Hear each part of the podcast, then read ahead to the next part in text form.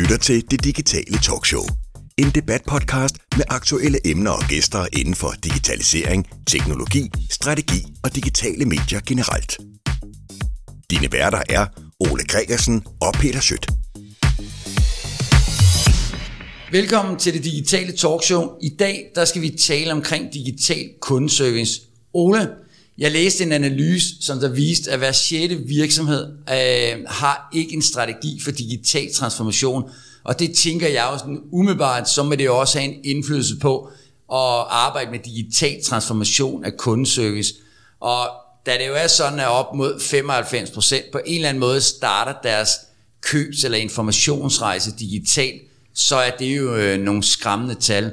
Og du laver jo mange tester websites og ude hos mange øh, kunder, så sådan helt overordnet set, hvad er dit øh, indtryk af den her digitale kundeservice, øh, når du er ude og, og teste websites? Jamen det er jo et vanvittigt interessant område, som jeg oplever er i vækst, især som et konkurrenceparameter. Jeg, jeg laver, som du siger, rigtig mange brugertest for eksempel. Der, der, der ser jeg ofte og oftere, at det er noget, der indgår i brugertesten, altså at, at brugerne er interesseret i at finde ud af, hvordan, hvad, hvad, hvad er bag, det her, bag den her virksomhed, hvordan, øh, hvordan øh, kan jeg komme i dialog med dem, eller øh, hvor god er de på deres kundeservice. Altså, så det indgår som noget, som, som, som brugerne bliver mere og mere interesseret i. Men, men dit indtryk derude, altså sådan bare øh, på en skala fra 1 til 10, kan man sige, altså er de gode til det, eller er de øh, mindre gode til at arbejde med, med digital kundeservice? Desværre er det jo sådan med mange af de ting, vi taler om her, Peter, at de er ikke så gode til det. De er gode til nogle andre ting, der er tættere på deres kerneforretning. Okay. Men, men at de bliver mere opmærksomme på det, fordi at de bliver tvunget til det, kan man sige, i nogle situationer. Ja. Okay, jamen øh, det er jo det, vi skal dykke ned i i dag, og heldigvis så har vi to super kompetente gæster øh, med i studiet i dag til at dykke ned i det her emne. Velkommen til Linnea Svensen, manager hos KMPG Newtech med fokus på conversational AI. Henrik Fabrin, CEO og co-founders hos Certainly. Velkommen til jer begge to. Linnea, kan du starte med at fortælle lidt omkring, øh, hvad er det, du laver hos øh, KMPG i forhold til, øh, til digital kundeservice? Ja, det er, det er mig, der jo sidder med Conversational AI-dialogen øh, primært. Så det der, der handler om at automatisere kundesamtaler, uanset om det så er i en chat, eller det er på en voice, eller det er en avatar, der skal stå i stedet for, eller det kunne også være automatisering af e-mails eller sådan noget, men det, det der handler om en dialog, man normalt ville have haft sådan menneske til menneske, hvad kan gøres digitalt af den, og selvfølgelig for at gøre det skalerbart eller sådan. Ikke? Så jeg har en kommunikationsbaggrund, som, som mit fokus er særligt på den der del, der måske ligger imellem sådan noget etnologi, antropologi, psykologi, kommunikation, manuskriptforfatning, et eller andet, der sådan er den der, altså en, en UX-designer med ord på en eller anden måde. Ja. Ja. Og, og hvor langt er I? Altså, hvor, hvor er I henne i, i forhold til at arbejde med de her ting hos jer? Der er virkelig mange steder, der ikke giver det den indsats, som det måske kræver. Altså lidt som, øh, Ole, du også nogle gange efter øh, nogle hjemmesider, hvor de ikke gør det ordentligt. Ikke? Så det der med, at, at der er mange, der er sådan et stort en ding af, øh, i forhold til især det her øh, chat- øh, og chatbot-område, at det bliver sådan lidt misligeholdt. Altså lidt som at få en hjemmeside og tro, at den er færdig, når, når man launchede den, eller sådan, ikke? Så, så, så den manglende vedligehold gør, at der, der er ret mange dårlige eksempler, men altså man kan sagtens, teknologien er der på dansk, og, og teknologien er klar til, at man kan lave nogle rigtig gode løsninger på det her område. Henrik, fortæl lidt omkring, hvad du render og laver herinde hos Certainly. ja, altså jeg er jo en af de to stifter af Certainly. Vi laver Conversational AI, så vi er en software as service platform.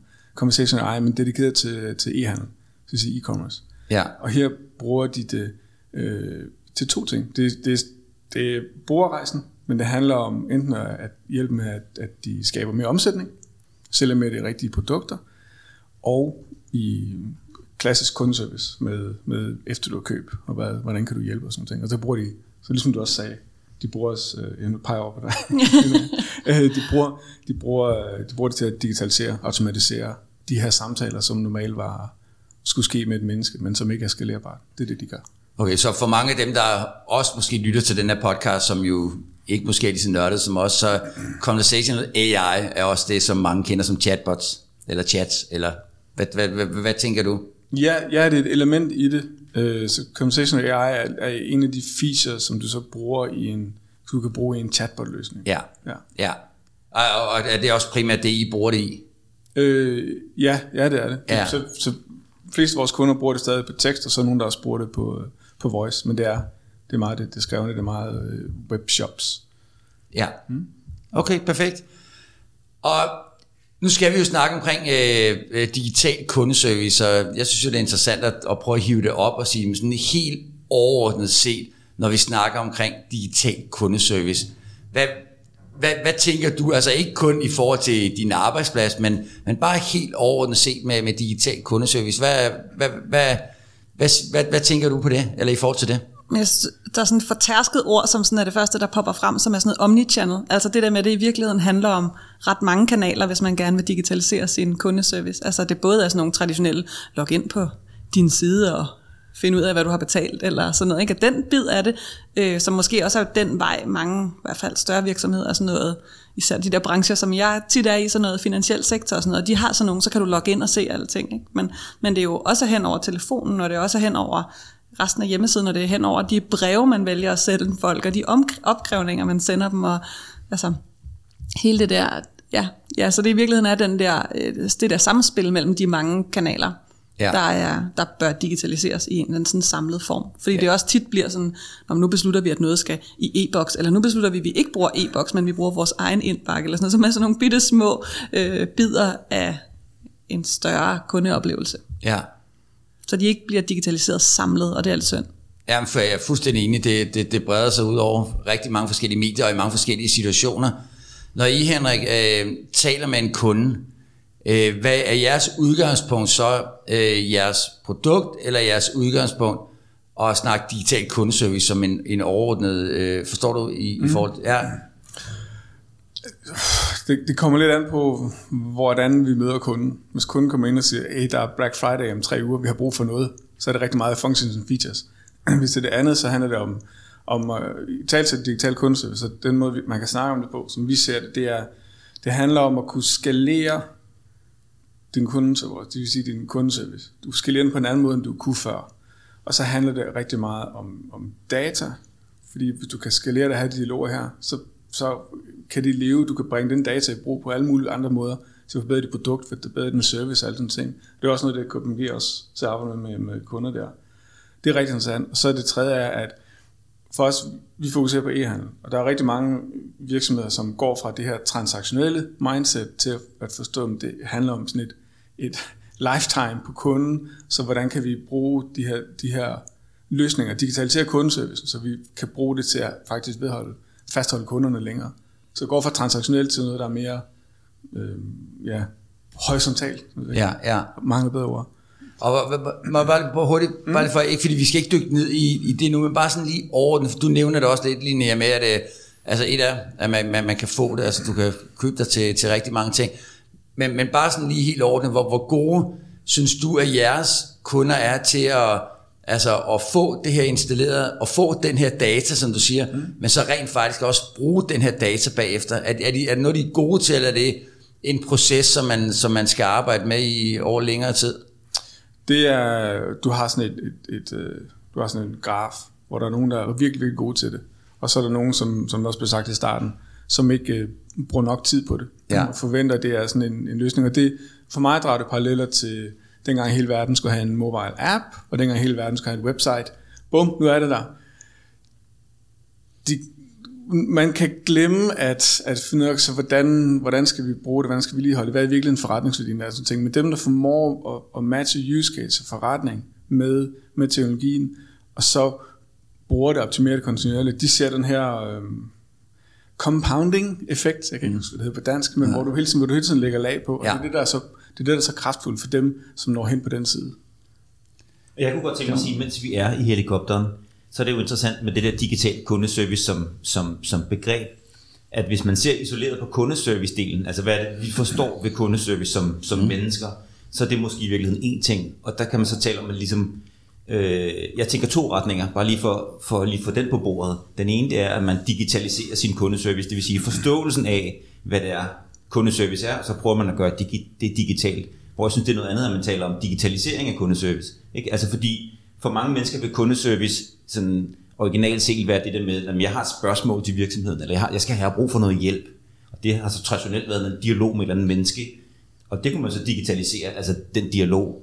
Men man kunne også tale om, og det er måske også noget det, jeg hører, den der digitalisering af kundeservice, altså hvor mennesket egentlig ikke er til stede, men vi kan stadigvæk give den service, vi har bare sat et system til det, eller vi gør det igennem nogle systemer. Og det synes jeg er en, ret interessant skældning, når jeg laver brugertest for eksempel, oplever jeg rigtig mange brugere, som tænker kundeservice som noget, hvor jeg skal egentlig i kontakt med nogle mennesker. Ja. Øh, og så møder de måske nogle af de der systemer, der er blevet digitaliseret, og så bliver de måske nogle gange lidt ked af det. Hvor sådan, hvis, hvis jeg lige spørger omkring mig, så, så siger folk, jamen, nu, nu ved jeg, at vi skal tale om chatbot, fordi det er jo en del af det her conversational AI.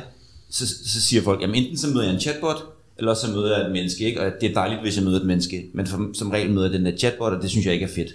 Mm. Og det, der, der er et skisme der, som jeg, som jeg i hvert fald øh, synes er spændende, og jeg kan allerede også nu høre, at der bliver talt sådan fra virksomheden til nogle mennesker, og fra nogle mennesker ind i virksomheden. Ikke? Og, og, og der synes jeg i hvert fald, der er en, stadigvæk en elefant, der marcherer rundt, og måske også allerede i det her rum. Mm. Mm. Øhm, det, der er interessant, det er, at man, man skal se det i en kontekst. Så digitalisering af kundeservice handler jo ikke kun om det, vi sidder rundt om bordet og snakker i dag, chatbots, conversation AI. De, de er i samspil med alt muligt andet. Og digitalisering af kundeservice er også mennesker.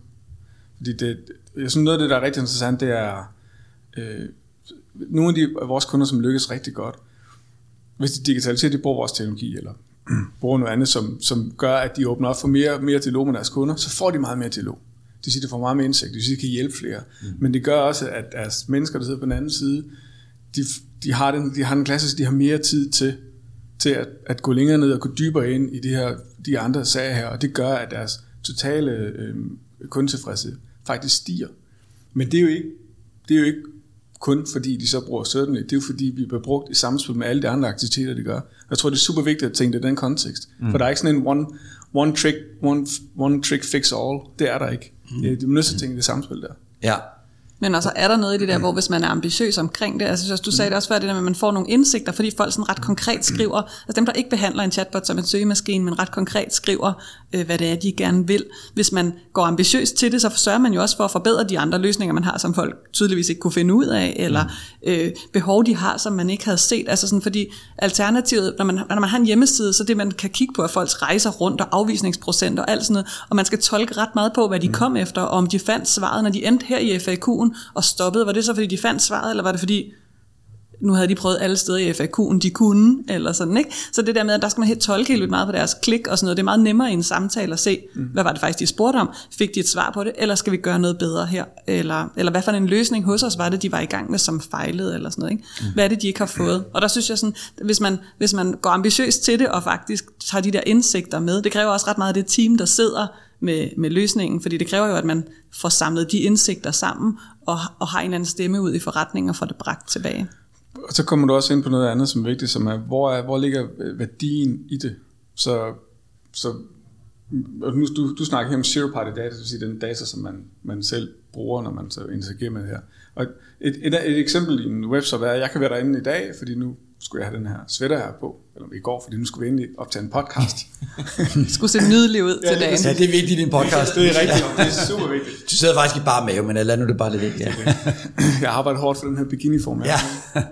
men, øh, men så er, der, så er der i morgen, fordi jeg har glemt det min kærestes fødselsdag, jeg skal have noget her nu. Den samme Henrik, meget for, forskellige behov. Og hele Secret hele kernen, det er, at det er via dialogen, du egentlig kan opfange det. Og så kan du hvis du er dygtig, så kan du reagere på det der, så hjælper man en rigtig vej. Men værdien ligger også i, okay, så ved vi det her om Henrik, eller okay, nu har vi den her data på vores kunder, det er faktisk det her, der var deres udfordring lige her. Det kan du ikke få på andre måder, og så guldet for, for virksomheden det ligger selvfølgelig at at drive det resultater vel, men også indsigten, som gør, at de kan forbedre det. Og det er også der, hvor den her compounding effekt kommer hen over tid. Og det er det, det, der er super interessant for os at arbejde med i virksomheden. Ja, også at få, altså, jeg, jeg, jeg prøver at dele det op. Altså nu, jeg arbejder jo rigtig meget med, med, altså med kunderejser generelt, og, og siger, hvor placerer øh, service hen på en kunderejse. Og i så kan man sige, at, at der er jo, jeg prøver at dele det op i tre, så kan man måske også prøve at tale ud for det, men man, siger, men man kan stå i et eller andet, din kæreste har fødselsdag, du skal finde et eller andet, så du bliver aktivt søgende på et eller andet, du har brug for noget viden, eller du har brug for at købe et eller andet. Så du begiver dig ud på en rejse, der har du brug for noget hjælp til at finde den rigtige gave til din kæreste, eller hvilken skjorte, eller skal jeg lease, eller skal jeg købe bil. Øh, og det er jo noget, vi har været vant til før ved at ringe, eller gå ned i en butik, eller holde et møde med en sælger. Så det er, jo, det er jo en fase, hvor vi søger noget information. Så der har vi jo på samme måde brug for den service, vi altid har fået. Den, den del skal bare digitaliseres, fordi vi sidder og gør det derhjemme bag skærmen. Øhm, så kan der være, så går vi igennem den fase, så er der selvfølgelig nogen, der kan blive kunde. Det kan være en bank. Så kan en bank som Danske Bank udvikle mobile pay, hvor man jo bruger teknologien til at gøre det nemmere med noget, man altid har gjort. Og det er jo også arbejde med kundeservice. Og mobile pay er et eksempel på kundeservice, der er godt for de kunder, man allerede har i forvejen, og så er det også noget, hvor man udnytter teknologien til måske at sluse nye kunder ind, kan man sige. Ikke?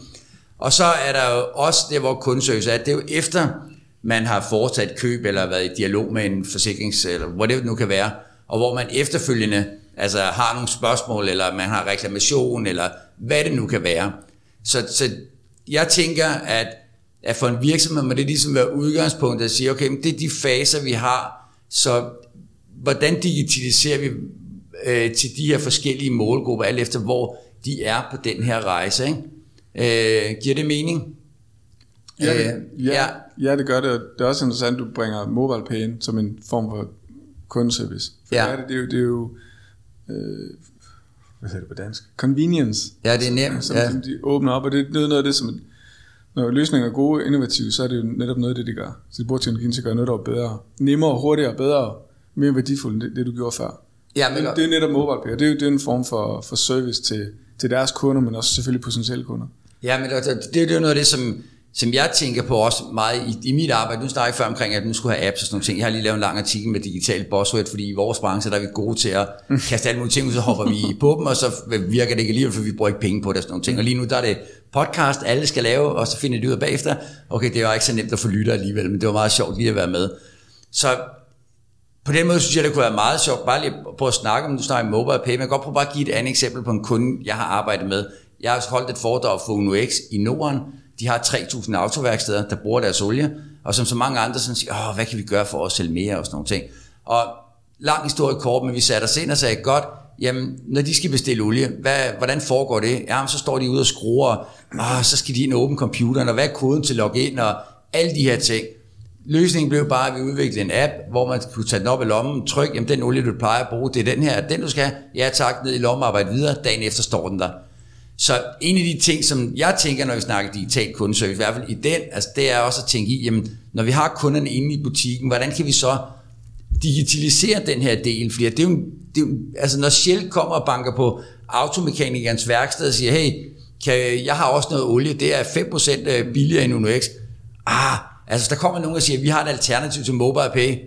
Ej, vi kender mobile pay, ikke? Så der ligger noget i at arbejde med, med, med den del af, af kundeservice, ikke? Jo, når først noget er nemt, så er man ikke så villig til at flytte videre. Det er helt klart. Ja. Jeg synes, det er fedt at bruge uh, mobile pay som, som eksempel. Måske, måske ikke så meget på, hvad det lige præcis er, Danske Bank har, har gjort, eller hvad der så meget mobile pay gør for os, men, men netop det der med, den der, det der med at gennemtrænge markedet med, med en løsning, som, som åbenlyst for rigtig mange mennesker har været for helt fantastisk. Øh, og igen, altså bare som eksempel, nu sidder jeg igen de der brugertest, altså det bliver nævnt i næsten alle brugertest i, i e-handel i dag, det der med, at jeg kan godt lide at bruge mobile pay, jeg vil gerne bruge mobile pay, bla bla bla. Og det er i hvert fald noget, der har skiftet rigtig hurtigt over ikke særlig mange år. Ja, når man lige at, rejser en tur, så glemmer man, at, at man ikke, altså, så når man er på et eller andet marked, eller sådan noget, sådan, gud, de tager ikke mobile pay. Nå, nej, det gør de ikke. Det, altså, sådan, at man glemmer lige, at mobile pay, fordi det fylder så meget i ens øh, liv herhjemme, at ja. man lige kan glemme, at når man er ude at rejse, så, har de, så de sgu ikke mobile pay. Ja.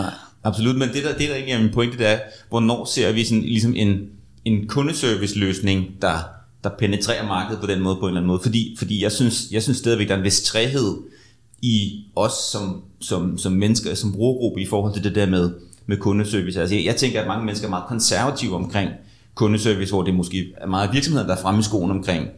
Altså, du giver nogle eksempler øh, på, på, på, Henrik, på digitalisering, mm. som, som er sådan den ægte digitalisering. Ikke? Altså, vi kan bruge data, vi kan effektivisere, og vi kan, vi kan en masse ting. Men jeg synes, for rigtig mange mennesker, almindelige mennesker ude i virkeligheden, der, der, er, det jo, der er det jo ikke deres, sådan set, deres behov kan man sige. Så, så jeg føler stadigvæk, at rigtig mange mennesker, der, der, de oplever, der sidder en lille chat, de bedut nede i hjørnet, et telefonnummer og en e-mail, og det er ligesom det, er ligesom det hvis man vil i dialog med sin, med sin, øh, med sin med, med den virksomhed, og, øh, og, og, og det synes jeg stadigvæk er totalt oldnordisk på mange måder. Og der, der tænker jeg, nu, det kan vi jo snakke om med, med de her conversational AI, det kunne godt være det, der måske på et tidspunkt knækkede den.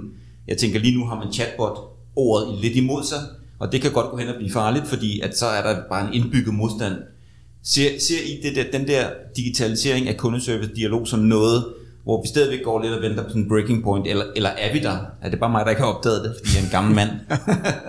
Jeg synes, vi, vi er der faktisk med teknologien. Der er bare ikke særlig mange, der investerer, altså investerer lyder sådan så voldsomt, men, men, men som tager det seriøst nok på en eller anden måde til. Altså også det der med netop at tænke det sammen. Altså så det bliver også lidt sådan noget, sådan en, et øh, blob på en eller anden måde, og ikke at nu vil vi gerne overveje, altså har man en kanalstrategi eller sådan noget, så handler den i virkeligheden bare om, om noget meget mere overordnet. Her er det jo også sådan en, når den her type henvendelse vil vi helt vildt gerne have en på kald, fordi det ved vi, det bliver alle glade for, det fungerer ikke på chat eller mm. sådan noget. Så man skal sælge et eller andet, der er kompliceret, så man har altså, nogle gange 25 spørgsmål eller sådan noget, før man kan hjælpe kunden den rigtige vej, jamen, så, så egner det sig måske faktisk bedre på telefonen. Eller ligesom du siger det der med Uno X, nogle gange står kunderne i en bestemt situation, hvor det faktisk ikke er særlig fedt for dem at skulle ringe, fordi de har ikke mulighed for at høre noget, eller sådan noget. Ikke? Så det er også det der med at på en eller anden måde tænke, den situation kunden står i, den, øh, den type af henvendelse det er, og den, den hjælp vi kan give dem, og så også være bedre til at guide hen på de rigtige kanaler, fordi man kan jo godt være villig til at vente i en telefonkø, for eksempel, hvis det er den allerbedste løsning. Altså, den samlede tid brugt kan jo godt være kortest ved faktisk at have ventet 20 minutter i telefonen først, i forhold til at sende 16 e-mails frem og tilbage. Jo, men det er jo også... Så det er også den der guide imellem de der kanaler, som, som jeg tror, at, at folk faktisk ikke ligesom tager... Det bliver sådan en meget overordnet kanalstrategi, som aldrig rigtig kommer ned på de situationer, som kunderne faktisk er i. Og hvis den gjorde det, så tror jeg, man kunne gøre det væsentligt bedre. Jamen er det ikke, altså, er, er det ikke også fordi, at jeg tror, altså, altså nu, igen, nu har vi to-tre gange i løbet af den her øh, samtale, så det drejer sig ned på chatbots. Ikke? Altså fordi at... Og vi elsker jo også chatbots, ja, ja, ikke? Ja, men, men, men det er også, altså jeg ser det sådan, det er jo ikke det, det handler om. Altså det handler omkring kundeservice. Og så handler det om at sætte sig ned og kigge på, okay, men hvad er det vigtigste for vores kunder, eller potentielle kunder, der giver sig på en rejse? Altså er det vigtigt med en FRQ, eller er det vigtigt, at man kan ringe, eller er det, hvad er det? Altså hvor er det vigtigste, og så kan vi bygge oven på det.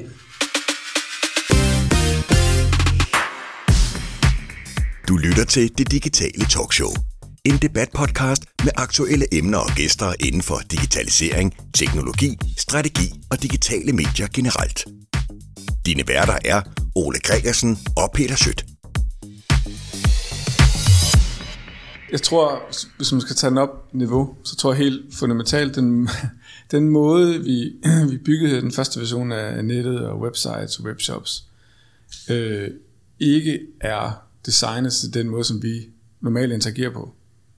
Dialog. Mm. Og det er jo fordi, så igen, hvis det handler om e-handel, så handler det om, lige pludselig kunne det have hele deres produktkatalog online. Um, så lagde de alle, alle, alle produkter online. Når kunderne vil gerne vide information, al information online, og så må brugerne selv ligesom finde ud af at filtrere informationen. Og det er ikke den samme oplevelse, som du har i en fysisk butik, hvor du går ind og så ændrer, modulerer tingene sig alt afhængig af, hvad du har behov for. Men det kunne du ikke, da du byggede de første versioner af website og website. Du kunne ikke. Og du kan lave en recommendation engine og, og kigge, gætte på, hvad du klikker, men det er ikke det samme som, at du har en dialog, så Peter har en dialog med den her øh, salgsperson i butikken. Det er ikke det samme.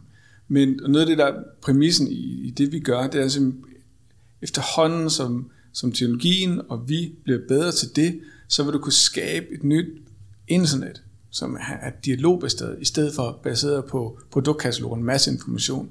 Og det kan du gøre, fordi du kan tage dialogen, og så baseret på, hvorfor Peter er der, hvad der vigtigt for ham, så kan du faktisk ændre indholdet. Og du behøver ikke vide, hvad Peter har købt før. Du behøver i princippet ikke vide, det er Peter. Bare hvad er behovet i et øjeblik, og hvordan hjælper vi dig hen til det nemmest. Så det er behovsafdækning, og så er det at gøre det nemt for dig. Og det, det, for, for mig er det en af de to helt essentielle, og det er det præmissen bag, bag det, vi gør.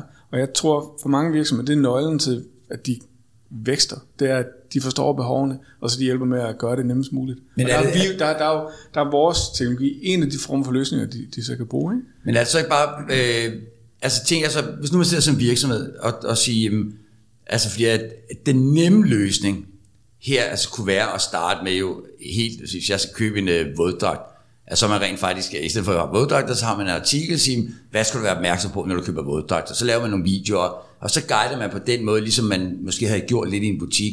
Og så kan man bygge chatbotten ovenpå, og så sige, okay, men hvis der er nogle ting, vi misser i den her artikel, så kan man gå ned i den chatbot, og så kan man begynde der, og så får man noget mere viden. Det, det, det er sådan indenfra ud, fordi så, du ved ikke, du ved ikke som virksomhed, hvad det er for nogle spørgsmål, de kunder har ude på den anden side. Nej, det, det, det, man, det vil jeg så godt lige sige, at det, det er jeg så ikke enig i, fordi at, hvis det, der er mange, altså hvis nu jeg har arbejdet med våddragter i 10 år, haft en butik, så har jeg en vis erfaring. Jeg kan lave nogle søgeårsanalyser på Google. Det er bare for at bringe det ned til et niveau. Altså, så jeg vil godt kunne lave en artikel, hvis jeg arbejder med det, jeg kan se, hvad folk søger om, som der vil sige, som udgangspunkt kan hjælpe mange på rette vej i forhold til at vælge en. Så kan der jo nogen, der vil gå niveauet videre, øh, men hvis, hvis man ikke altså, øh, øh, på den måde kan digitalisere noget hjælp, så, så, er der jo, så synes jeg, der er lang vej til.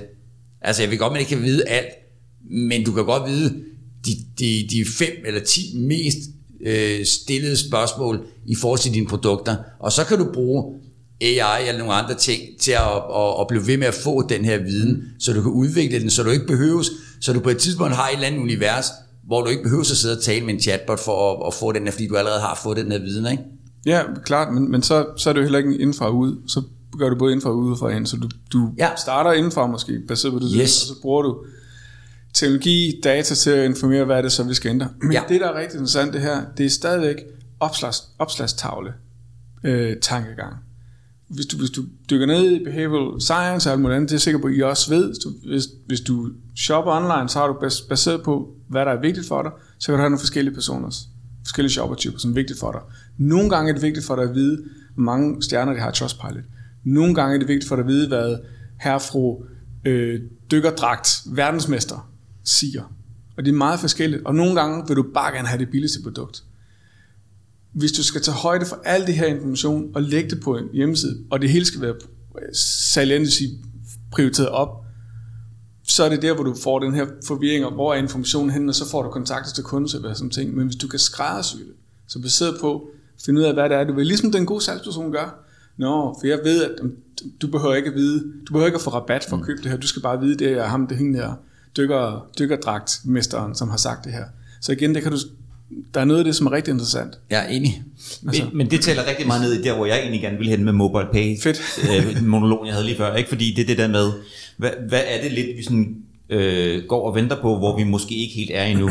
Og, og, og der er ligesom to ting i det, jeg synes, der er rigtig spændende i, i det, du siger. Den, den ene, det er, øh, en ny måde at ligesom, tænke teknologien på, og der er et vist efterslæb på den måde, vi har gjort det tidligere. Mm. Og det synes jeg er rigtig spændende. Nu har vi også siddet med en her, der, der, der arbejder i New Tech, ikke? altså ligesom også vi kigger frem, fordi jeg tror i nogle verdensdele, hvis jeg må sige det sådan, der, der sker nogle ting, der er rigtig spændende, som vi ikke rigtig er nået til i Danmark. Det kunne for eksempel være, at vi som danskere, nu, nu, nu taler jeg bare som sådan en øh, øh hvid privilegeret sidstkønnet mand her, ikke? Sidst i 40'erne, der, der tænker jeg sådan lidt tilbagestående og tænker, at kundeservice, det er sådan noget med, at jeg skal kunne ringe, og der skal altid være nogen, der tager den og sådan noget, hvor det du egentlig taler om er at, altså, at tage det op på et andet niveau, og det synes jeg, det er spændende at høre, om menneskerne bliver en barriere, og hvornår det er, at vi begynder at se de der løsninger, hvor vi bare tænker, hov, det var fuldstændig mm. intuitivt for eksempel. Ikke? Det synes jeg er rigtig spændende. Må jeg stille et, et komma-spørgsmål? Ja. Fordi jeg tænker, det jeg hører her, og det jeg oplever, der, der må være en vis barriere, også ud fra det Peter taler om, omkring her og fru, øh, jeg har lavet en webshop. Altså kan de, de, de får så knaldet en eller anden chat løsning på. Der er ni ja. timers ventetid, eller vi, vi kommer tilbage i morgen. Er der ikke en eller anden barriere? Nu sidder I med nogle, KPMG er ikke en lille bitte virksomhed, der har arbejdet bitte små kunder, vel? Er der ikke en eller anden barriere for, hvornår de der løsninger, som du taler, den fremtid du taler ind i, hvornår at man kan være med på det hold? Det er ikke alle webshops, fordi det kræver, I taler om investeringer og tid og sådan noget. Hvor, hvor, tror, du, hvor tror du barrieren ligger, hvis du skulle gætte? Det er ikke et trickspørgsmål, det er bare rent for... Hvor tror bæren ligger? Ja, barrieren ligger, ikke bæren. Barrieren. jeg tænker, en bære kunne være et meget godt eksempel. Ja, det kunne det også, ja. Hvis de sælger kringler online. Jamen, jeg tænker bare, at de utrolig mange dårlige oplevelser, jeg har med chat, og som jeg kan høre, at folk har med chat, de må skyldes, at der er for mange, der implementerer noget chat, der er på et for lavt niveau. Altså, de, de, de går simpelthen ikke nok ind i det, så for dem bliver det ligesom bare at sætte et ekstra telefonnummer på, eller lave, lave telefonnummer til et link. Det bliver, ikke, det bliver ikke en værdifuld løsning, og den får aldrig den dialog, du taler om af mange, af mange årsager. Men det, det, det, det er så også... Så, så det, det, det, det, det tænker jeg bare... Ja, ligger, det ja. ved jeg ikke. Er det penge, vi taler om, eller hvad? Øh, Størrelse på virksomhed, timer, I don't know. For, for nej, hos, hos vores kunder, der er det den oplevede. Så du kan sagtens have 10 kundehenvendelser om dagen. Mm. Eller du kan have 1000. Og du kan i princippet have det samme behov. Det handler også om bemanding og hvordan du er internt mm. øhm, i virksomhederne. Men jeg, jeg, sådan som jeg ser det, så, øh, så det er lidt ligesom selvkørende biler. øh, hvor selvkørende biler, der har du de her forskellige stadier. Fra 0, hvor alt er fuldstændig manuelt, som min gamle Porsche 912 fra 1968 derhjemme, versus der, hvor Tesla og Waymo og alle mulige gerne vil hen, men de er der ikke. Så de er på et eller andet level 3 og 4 og sådan nogle ting, hvor det er rigtig meget lykkes, og så skal der stadig noget mandehold, der skal være. Det er den samme her, for det er den samme form for innovation, der sker. Og, men det der, det, der er interessant, det er, jo mere man kan, man kan, man kan sænke barriererne, det er det, vi gør, prøve at gøre det nemmere for kunder at komme i gang og lykkes, jo flere deltager i festen. Hvis der er flere, der deltager i festen, så er der flere, der får de her outsized results. Jeg er også sikker på, at nogle af KPMG's kunder ser. Altså, hvis du ser, hvis du ser konsekvent, at din, din, øh, hvis brugeren bruger din bot, så konverterer de tre gange mere, og de køber 20% mere det har en vis selvforstærkende effekt i en virksomhed. Hvordan kan vi bruge det mere? Hvis du samtidig automatiserer 50% af dine henvendelser eller andet, og din, og din, og din kundeservice tilfredshed går op, jo flere af dem, der er det, jo flere, der fortæller historien, jo mere viden bliver bygget op omkring, hvordan det så har du en selvforstærkende effekt af dem, så er der flere, der lykkes, og så vil du køre. Og det, det er ikke unikt til vores teknologi overhovedet. Det er sådan en innovation er. Det er sådan med hjemmesider, sådan med apps og alt muligt andet. Det kræver en masse, som gør en masse ting. Early adopters innovators. Og så er det vores opgave som leverandør, at hjælpe flest muligt. Fordi hvis vi lykkes, så, hvis de lykkes, så lykkes vi og så videre. Ikke? Men så, så, så er barrieren, altså hvis man skal tale om barrieren, så er barrieren jo også, fordi hvis, hvis det kræver noget kritisk masseagtigt noget i, i forhold til at få nok data og viden, så er det jo også et problem, hvis man har nogle, altså hvis der ikke bliver investeret i de her chatbots, så de fungerer ordentligt, fordi så skaber det jo bare, det, altså, det skaber det jo bare dårlige oplevelser, og, jeg, og det, er jo, det er jo min pointe, også fordi, at jeg tror mange, der lytter med, er ikke øh, store virksomheder, altså, som jer, så sådan nogle ting. Altså, og, og hvor jeg siger, okay, men du er nødt til at starte et sted. Så er du nødt til at starte med at sige, okay, men vi har noget viden, det digitaliserer mm. vi en artikel, så er vi i hvert fald i gang. Men, øh, og så kan vi begynde at bygge ud med, med chatbots. Men det mange gør, hvis vi nu lige er ved chatbots, det er at sige, okay, vi har en webshop, og så sætter vi en chatbot på. Der er ikke noget mellemled i forhold til at sige, når vi skal lige hjælpe lidt med de her gummistøvler, med den viden, vi allerede har, så vi trods alt rammer en bred målgruppe, og så kan vi bygge videre derfra. Ikke? Så når jeg hører dig sige, at, at det ligesom er, at alle skal pitche ind til det, og, og hvor er barrieren? Jeg ser jo så, at barrieren er, at hvis det jeg måler på folk, når jeg har lavet noget på Facebook eller på LinkedIn eller til min foredrag, det er, at det, det, det er få, der har fået en god oplevelse. Og så ender det bare med, så gider vi ikke bruge dem mere. Så, så, så når, altså tror I, tror I på, at vi, altså tror I, tror I reelt set på, at vi, at vi kommer, altså kan, vi, kan man nå at vinde den skud, hvis der er så mange, der har haft en dårlig oplevelse, når virksomhederne nok at investere i de rigtige øh, øh, systemer, den rigtige viden, der, der gør, at vi... Øh, Absolut. Ja. Så ser en ting er væksten af, af vores form for platform og andre. Andet er alle de penge, der går ind i, øh, fra, lad os bare kapital for ind i, ind i den type industri, som vi er i. Det er milliarder af dollars og så alt den, der kommer ind i forskningen, som ligger før, fordi alle vil ligesom vil gerne vil løse det her. Så det, det er et spørgsmål om tid. Mm. Så det handler mere om, hvor vi er. Så jeg er bange for, at vi kommer til lidt at lyde som Nokia, der sagde, så kan Apple lære at lave smartphones, eller Bill Gates mm. siger, internet, det er bare en, fordi det er, det, det er tidligt, man skal respekt for, at det er tidligt, og der er, der er mange, der lykkes, og der er også mange, der prøver det. Og for mig er det ikke noget, det er faktisk ikke nogen udfordring, at der er mange, der prøver. Fordi jo flere der prøver at få testet det flere, og det er på tværs af branchen, ikke kun vores, det handler også om alle steder, hvor KPMG er. Jo flere der gør det, jo flere er der også, der vil lykkes, jo flere der får de første succeser og fejl, som man så kan bygge videre på. Så jeg ser det ikke som noget problem. Så det er rent, der skal tid. Så, så, så, så ja, men det kan man jo, kan jo sammenligne lidt. Nu nævnte du selv i starten, Henrik, med, ja. med at alle skulle have en app. Ikke? Jeg tror, øh, der var 500 apps i App Store i 2008, da de åbnede op, og ikke mange år senere, så lå der over 400.000 apps, der aldrig nogensinde var hentet. Altså download en eneste gang, mm. men apps er jo stadig en kæmpe succes. Ja, og, be, og be, benzinstationer, alt muligt mærkeligt skulle have apps om alt muligt ting. Og ja. de glemte bare lige at huske, hvad fanden var det, at Hvor starter man? Ja. Og hvad er det, kunderne skal bruge det til? Ja. Det var altså, jeg blev færdiguddannet i 2010, det var præcis det samme med sociale medier. Det havde jeg brugt øh, en del af min studietid på, og det var virkelig crazy. Og jeg prøvede virkelig at få mig et job, da jeg øh, var færdig der i 2010, og alle var sådan, wow, social media er meget spændende, men ah, vi er nok ikke lige klar. Og det var jo bare alle mulige byråer og sådan noget, der halvandet år senere mm. øh, rådgav om sociale medier. Ikke? Så jeg tænker, det er også sådan, altså det, det var i 2010, det er jo ikke sådan vældig lang tid siden, hvor at at det har bare flyttet sig til også sådan, det er et helt fagområde nu. Jeg har lige haft et jobopslag oppe på en conversational mm. designer, og det gik ikke så godt, som jeg gerne ville have. Øh, jeg synes, det er, det er det mest fantastiske job, øh, men det der med, at det også er en sådan ny øh, stillingsbetegnelse, så det er jo også det, at det er et fagområde, hvor der ikke er særlig mange specialister endnu. Altså det er jo simpelthen, øh, ja, ja, jeg, jeg skal have flyttet nogen, der arbejder med noget andet derhen, ikke? Ja, enig. Så det der, det der er sandt, jeg I don't know, off, off the bat, så tror jeg, det er 50% af vores, vores kunder, som ansætter til de roller der. Det er specifikt, for, når de, når de ser lyset, så gør det. Men det, der er interessant, det er jo, kig på jer selv, I, I to. I, I har, har jo et job, og I gør alt det, I gør, fordi verden er rykket digitalt, fordi verden er rykket online. Men hvis vi går tilbage til dengang, alle hjemmesider skulle have hjem, eller alle virksomheder skulle have hjemmesider, der var ikke en UX-design-industri, der var ikke en, øh, alle de her ting her, som der er nu. Det er jo en industri, som vokser op rundt om den innovation, der sker. Og det samme her med, med jobroller. Ikke kun med conversation designer, det er også rigtig data scientist, som arbejder med rigtige ting, og bla bla bla. Det er jo, det er jo en ting af teknologi, men, men der er jo en hel industri rundt om, som bliver arbejdet op, nye roller, som bliver lavet. Og det er også det, der er enormt fascinerende for mig at være en del af, fordi man har den her fornemmelse af, det er ligesom dengang, alle skulle have hjemmesider. Der er masser, der var en masse lort i starten. Mm. Der var nogen, der lykkedes. Det er der stadig. Og, jamen, det er der stadig. Det er det. Flere vil lykkes, men der kommer hele industri, og der kommer masse jobs rundt om det. Det, det er super, super interessant. Men nu vi lige er i den øh, adoptions, på adoptionskurven, Ja, lige tidligt på adoptionskurven, ja. fornemmer jeg.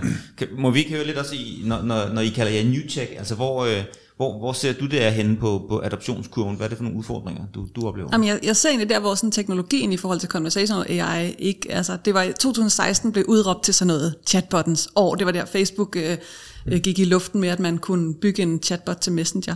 Og der, og der ramte det en rimelig hård mur, eller sådan, ikke? der blev grinet meget det år, eller året efter, eller sådan, ikke? Øh, Så jeg tror, jeg tror, vi har været nede i det der dybe, dybe hul, øh, og, er, og er godt på vej op af det. Altså sådan set tænker vi, at de næste par år kommer til at se helt vildt mange gode cases. Altså vi laver rigtig mange gode øh, cases, synes jeg. Især på chat er, er øh, er sådan en, ikke en no-brainer, men der kan vi nemt lave rigtig mange gode ting. Voice er jo stadig der, hvor der ikke er særlig mange cases på dansk endnu, fordi at det har taget lang tid før man for eksempel på Google kunne lave noget ordentligt på dansk. Sådan, det har, der var ikke særlig mange år på banen, før at man overhovedet kunne begynde at arbejde i Dialogflow på en ordentlig måde øh, på dansk. Så, så det er sådan, jeg synes, det er det der, ligesom Henrik siger, det er, at vi skal, vi skal det, lige snart, når folk begynder at prøve, så får de de der erfaringer, der gør, at de sådan kan tage næste step. Det kan også være, at de prøver det og tænker, nej, det, vi, var, vi var der ikke lige nu, men så er de der måske næste år og næste år igen. Jeg synes, vi begynder at tale med en del virksomheder, som har haft chat, enten øh, altså almindelig menneskechat, eller hvad det hedder, eller chatbot for nogle år tilbage, og nu er klar til at prøve igen, for nu kan de faktisk godt se, at nu vil det kunne noget for dem, som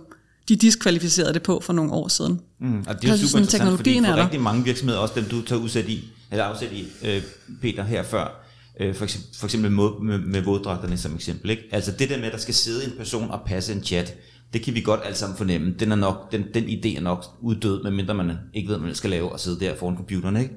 Men for rigtig mange virksomheder vil- det jo være super interessant at få noget, når, det, når, det, når og hvis det er betaleligt, jeg aner ikke, hvad sådan noget koster, hvor man ligesom kan have det koblet til sin virksomhed, hvor den måske kan stå og være selvlærende, eller den kan selv trolle websitet eller et eller andet, så bliver det jo, så, så kan det blive noget, der kan blive sådan, altså pervasive, ikke? altså der ligesom er til, til stede, og når det er til stede alle steder, så er der også noget, vi som kunder, brugere begynder at forvente, altså, hov, her vil jeg ikke købe noget, fordi de har ikke nogen god Øh, og nu vil jeg ikke kalde det for en chatbot, fordi, eller en, en, nu, nu vil jeg kalde det for det der, der kommer. Ikke? Altså, nu, jeg tror, nu kan jeg få dialogen med det her website.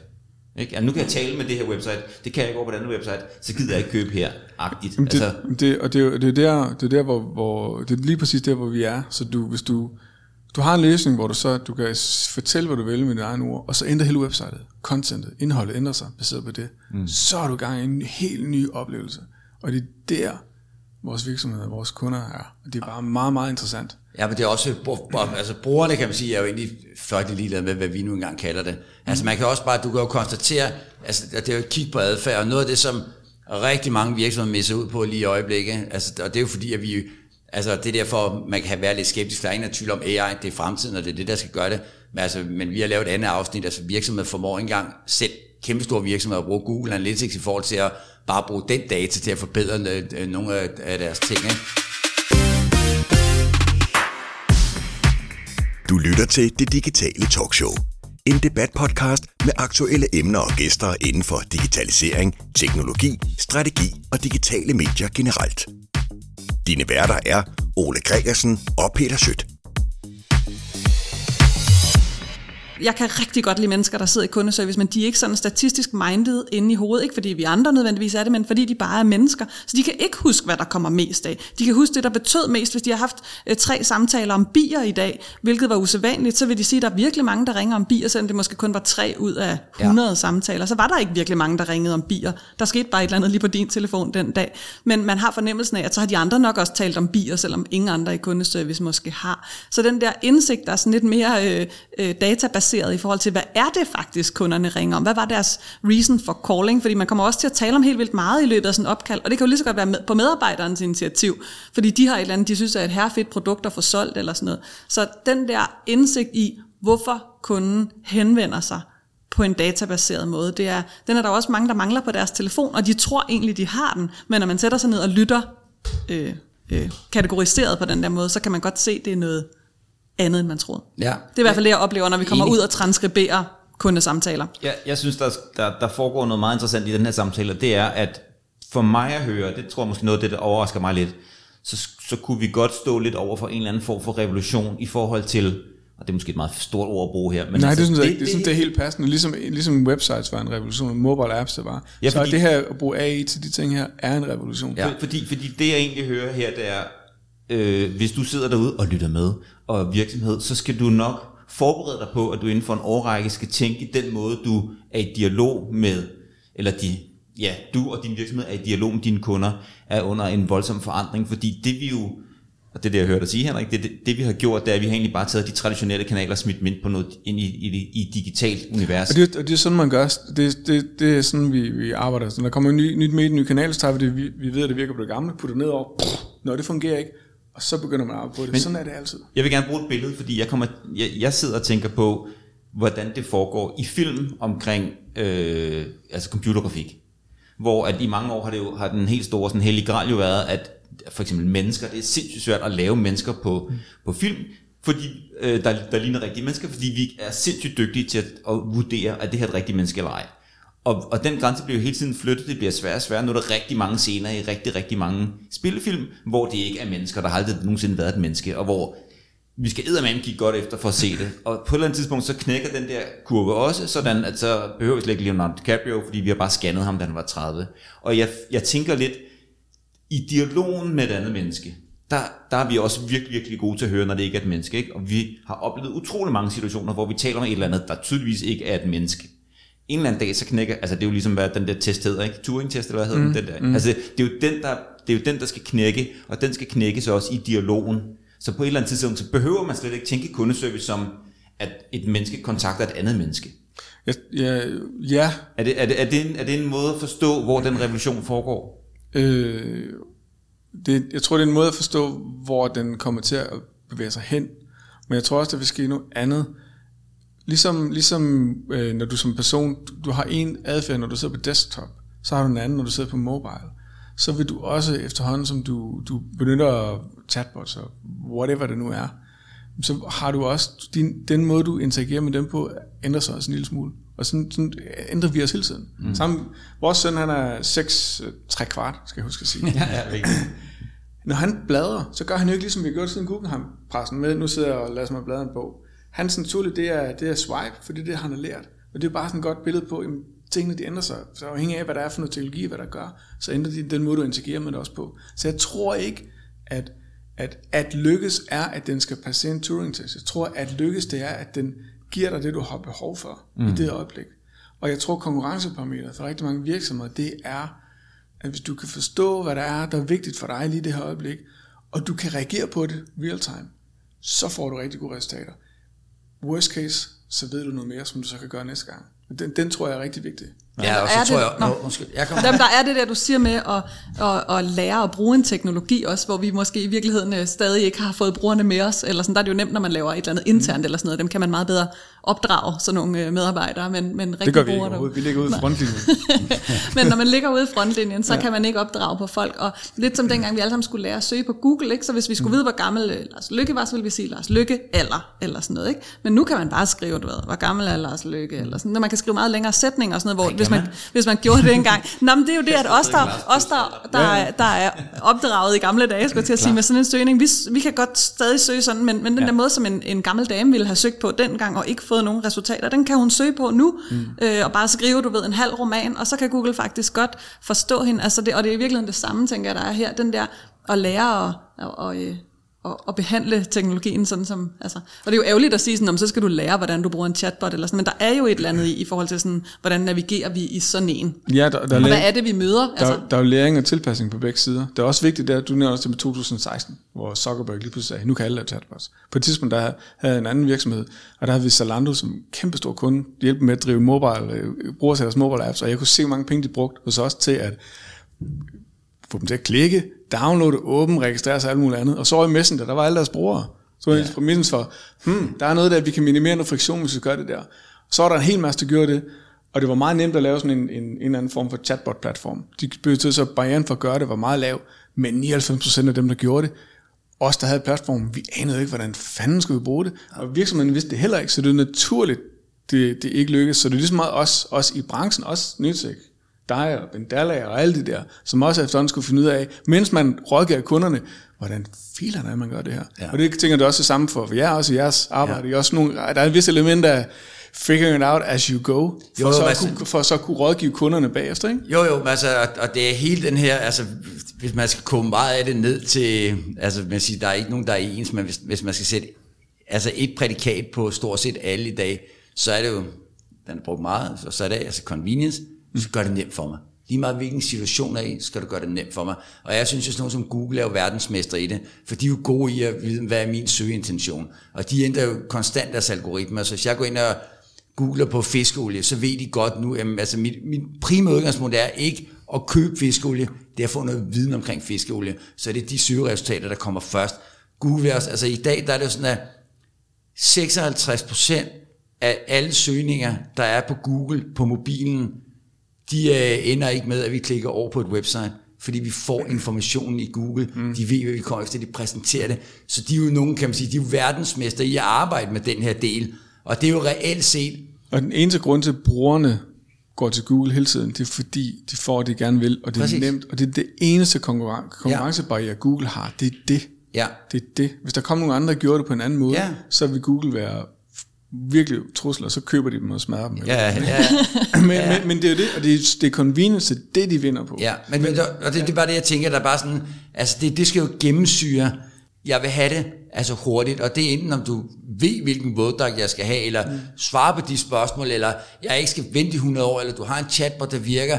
Det er jo, det er jo som virksomhed det, som, øh, som man jo egentlig skal, skal tilstræbe. Vi, vi arbejder med fashion, for eksempel, ikke?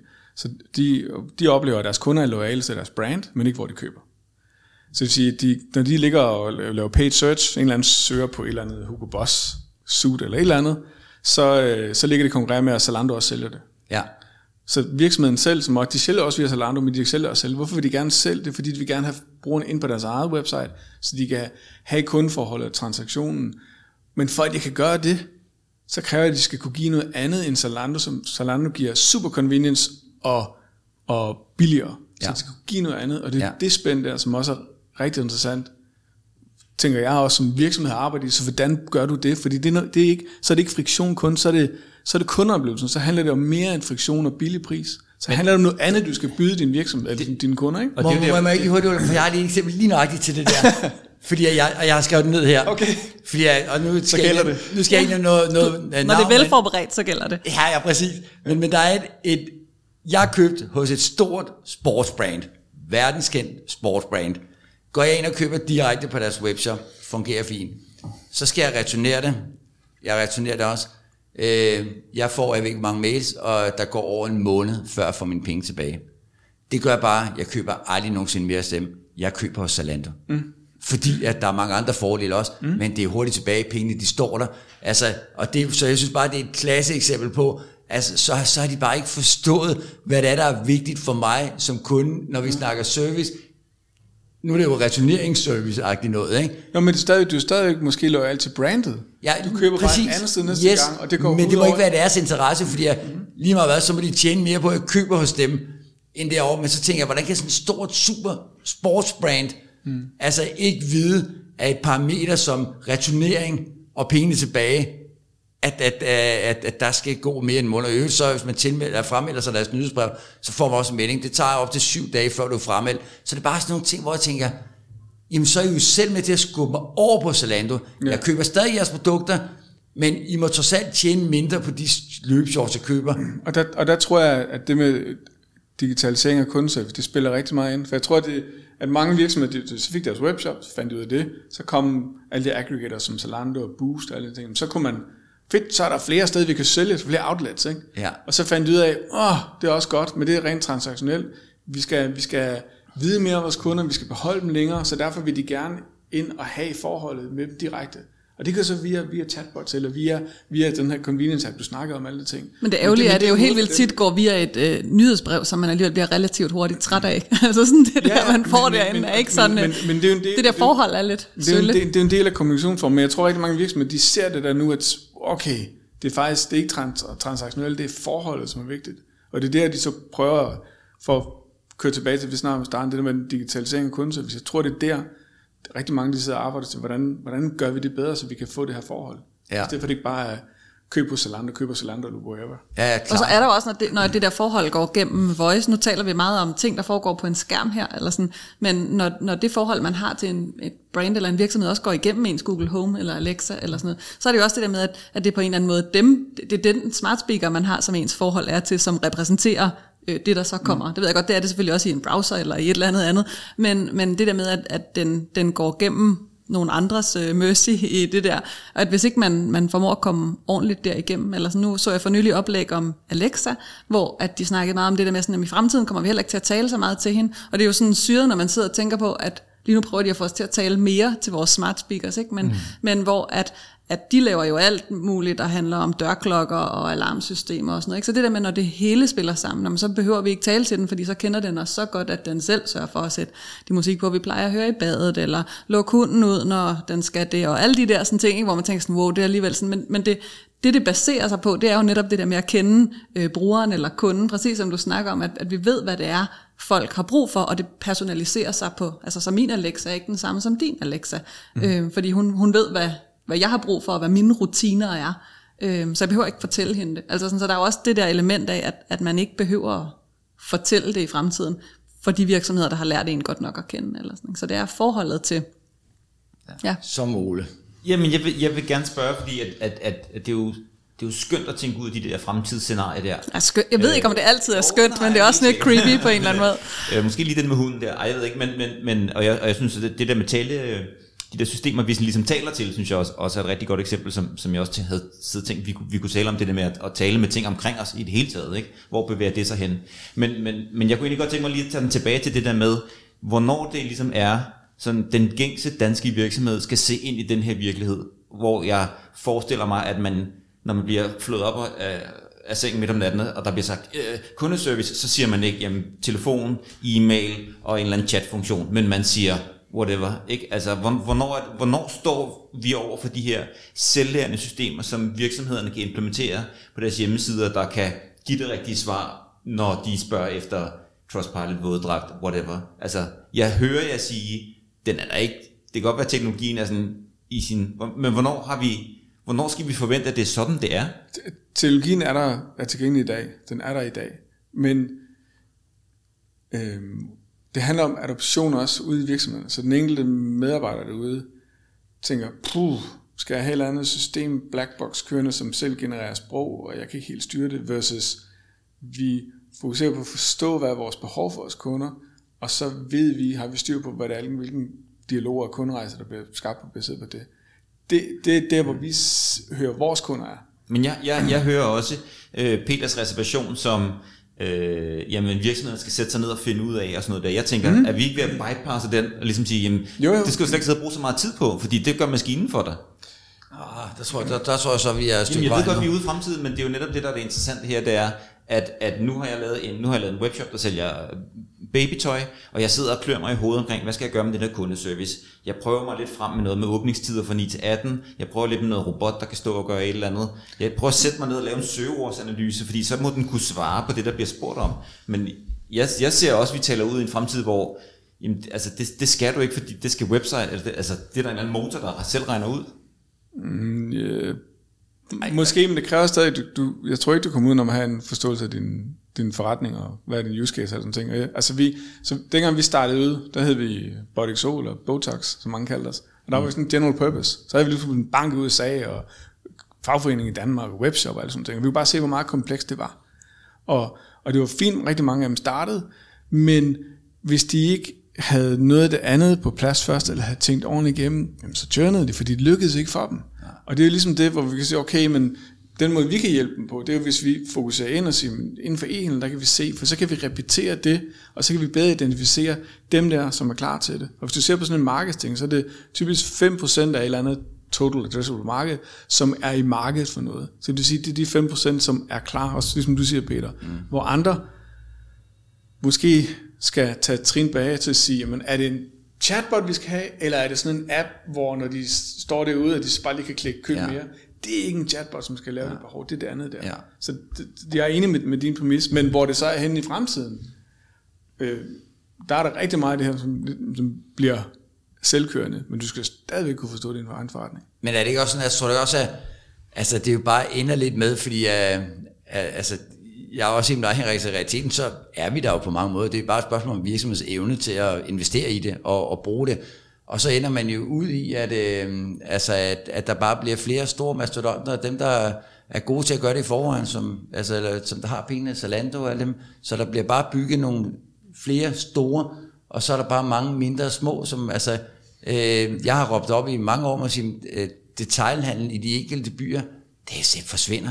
Altså, jeg ved godt, det ikke forsvinder helt, men, øh, men, men de bliver kæmpe udfordret, fordi jeg, altså, hvorfor skal jeg gå ned i 10 butikker, når jeg kan sidde på Zalando og få det hele, og de nærmest kommer og henter det dagen efter. Altså, så... det, er, det er meget interessant at følge Amazon versus uh, Shopify, hvor Amazon ja. er alkendt Amazon. Shopify det er sådan en platform til webshops for, for små webshops, hvor deres, deres anke lige præcis det.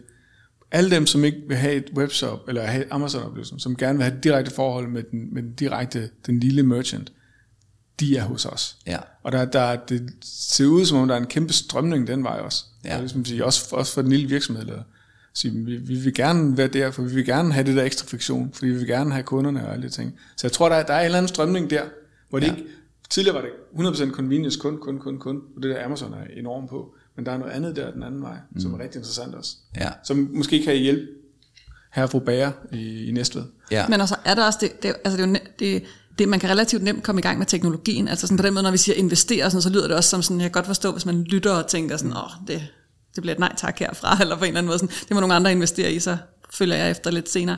Men, men, men te, altså, der er masser af platformene, hvor at man kan scrape det, man har. Altså hvis man har en FAQ, som man i øvrigt har lagt virkelig mange kræfter i at finde ud af, hvad der faktisk skulle være i den, det vil sige, det jeg oplever jeg rigtig tit, at det føler folk, at de har, men de stadig havde glemt at få den der databaserede indsigt i, hvad kunderne faktisk kommer efter. Så FAQ'en er ikke så god, som man forestiller sig. Øhm, men altså, den er i hvert fald et godt sted at starte. Hvis man nu har en ret omfattende FAQ, så kan man jo sagtens scrape den og chatbotificere den. Er det en super god chatbot-oplevelse? Nej, det er det ikke. Men det er et rigtig godt udgangspunkt for at blive klogere. Så det er også det der med at ture og sige sådan, nu gør vi det, og så bliver vi klogere, og så, altså, så bruger mm. vi den der data til faktisk at forbedre det, vi har. Eller så skal du også bare, du skal bare, jeg tror også bare, man bare sætte præmissen, fordi jeg, jeg tror også bare mange, altså, og der skal man virkelig tænke ned, at der er, vi er mange forskellige målgrupper, mm. og mange, når de åbner en chat, ikke, altså de tænker, nå, der sidder en klar, jeg kan snakke med, fordi de kender ikke noget med AI og chatbots og sådan nogle ting, så, så, så det, det, hvis man gør det, så min anke også, som det er med alle mulige andre ting, sige, så sæt altså kridtbanen op. Mm. Start med at sige, hey, du skal lige vide, at det du går ind i nu, det er ikke en menneske, whatever det nu kan være. Altså, og det er der mange, der ikke gør, så man, man starter med at få en fornemmelse af, det jeg ved godt, det er detaljer, men, men ellers er jeg enig i, at man, øh, altså, man kan jo bare gå i gang, og for mange så er det jo ofte ikke ressourcer i dem her, selvfølgelig nogle, nogle hands men det, det er ligesom, altså det koster ikke noget Google Analytics, det er den tid, du bruger i at sætte dig ned Det er og helt klart tiden, du bruger øh, ja. på at, at, at, at gøre det bedre, der, ja. er, der ja. for alvor er, er investeringen. Altså ja. de, de mennesker, der kommer fra forretningsudvikling, eller øh, kommunikation, eller ja. kundeservice, eller sådan et mix af, af dem, der sad med hjemmesiden, et godt, øh, en god pulje af de der forskellige mennesker, ikke? det er deres ja. tid brugt, der er, der er investering. Yes, vi er rundt en time. Så jeg synes, at der, vi, kan, vi kunne formentlig sidde her resten af dagen, og så tage lidt af weekend i brug også. Øhm, Altså, det er jo et, øhm, et altid et, et super spændende emne. Min, altså det, som jeg bare tænker, det er helt generelt at sige, øh, start med at, altså, at fokusere på, hvad der, altså, hvor skal du starte hen med din forretning? Lad nu være med at lave en podcast, fordi alle siger, at du skal lave podcast, eller bruge en chatbot, fordi alle siger det. Altså start med at sige, hvor skaber jeg den mest værdi for, for mine kunder, potentielle kunder, og så bygge ud for det. Og så i øvrigt, hvis man går ind i det, jamen så, du behøver ikke gå full blown, men så gå seriøst ind i det. Altså, øh, så du laver en podcast, så skal du vide, hvad, hvad, hvad der skal rundt om. Det er det samme også med, med chatbots. Er der nogen, der, vil, der har et eller andet, de vil slutte af med, give et godt råd til lytterne, eller... Øh, jeg synes, du sluttede virkelig godt. Perfekt. Jeg glæder mig bare til, at revolutionen kommer. Ja, ja det, den er med på. Perfekt. Jamen, øh, så vil jeg sige tusind tak øh, til Linnea Henrik, fordi I vil deltage i den her podcast.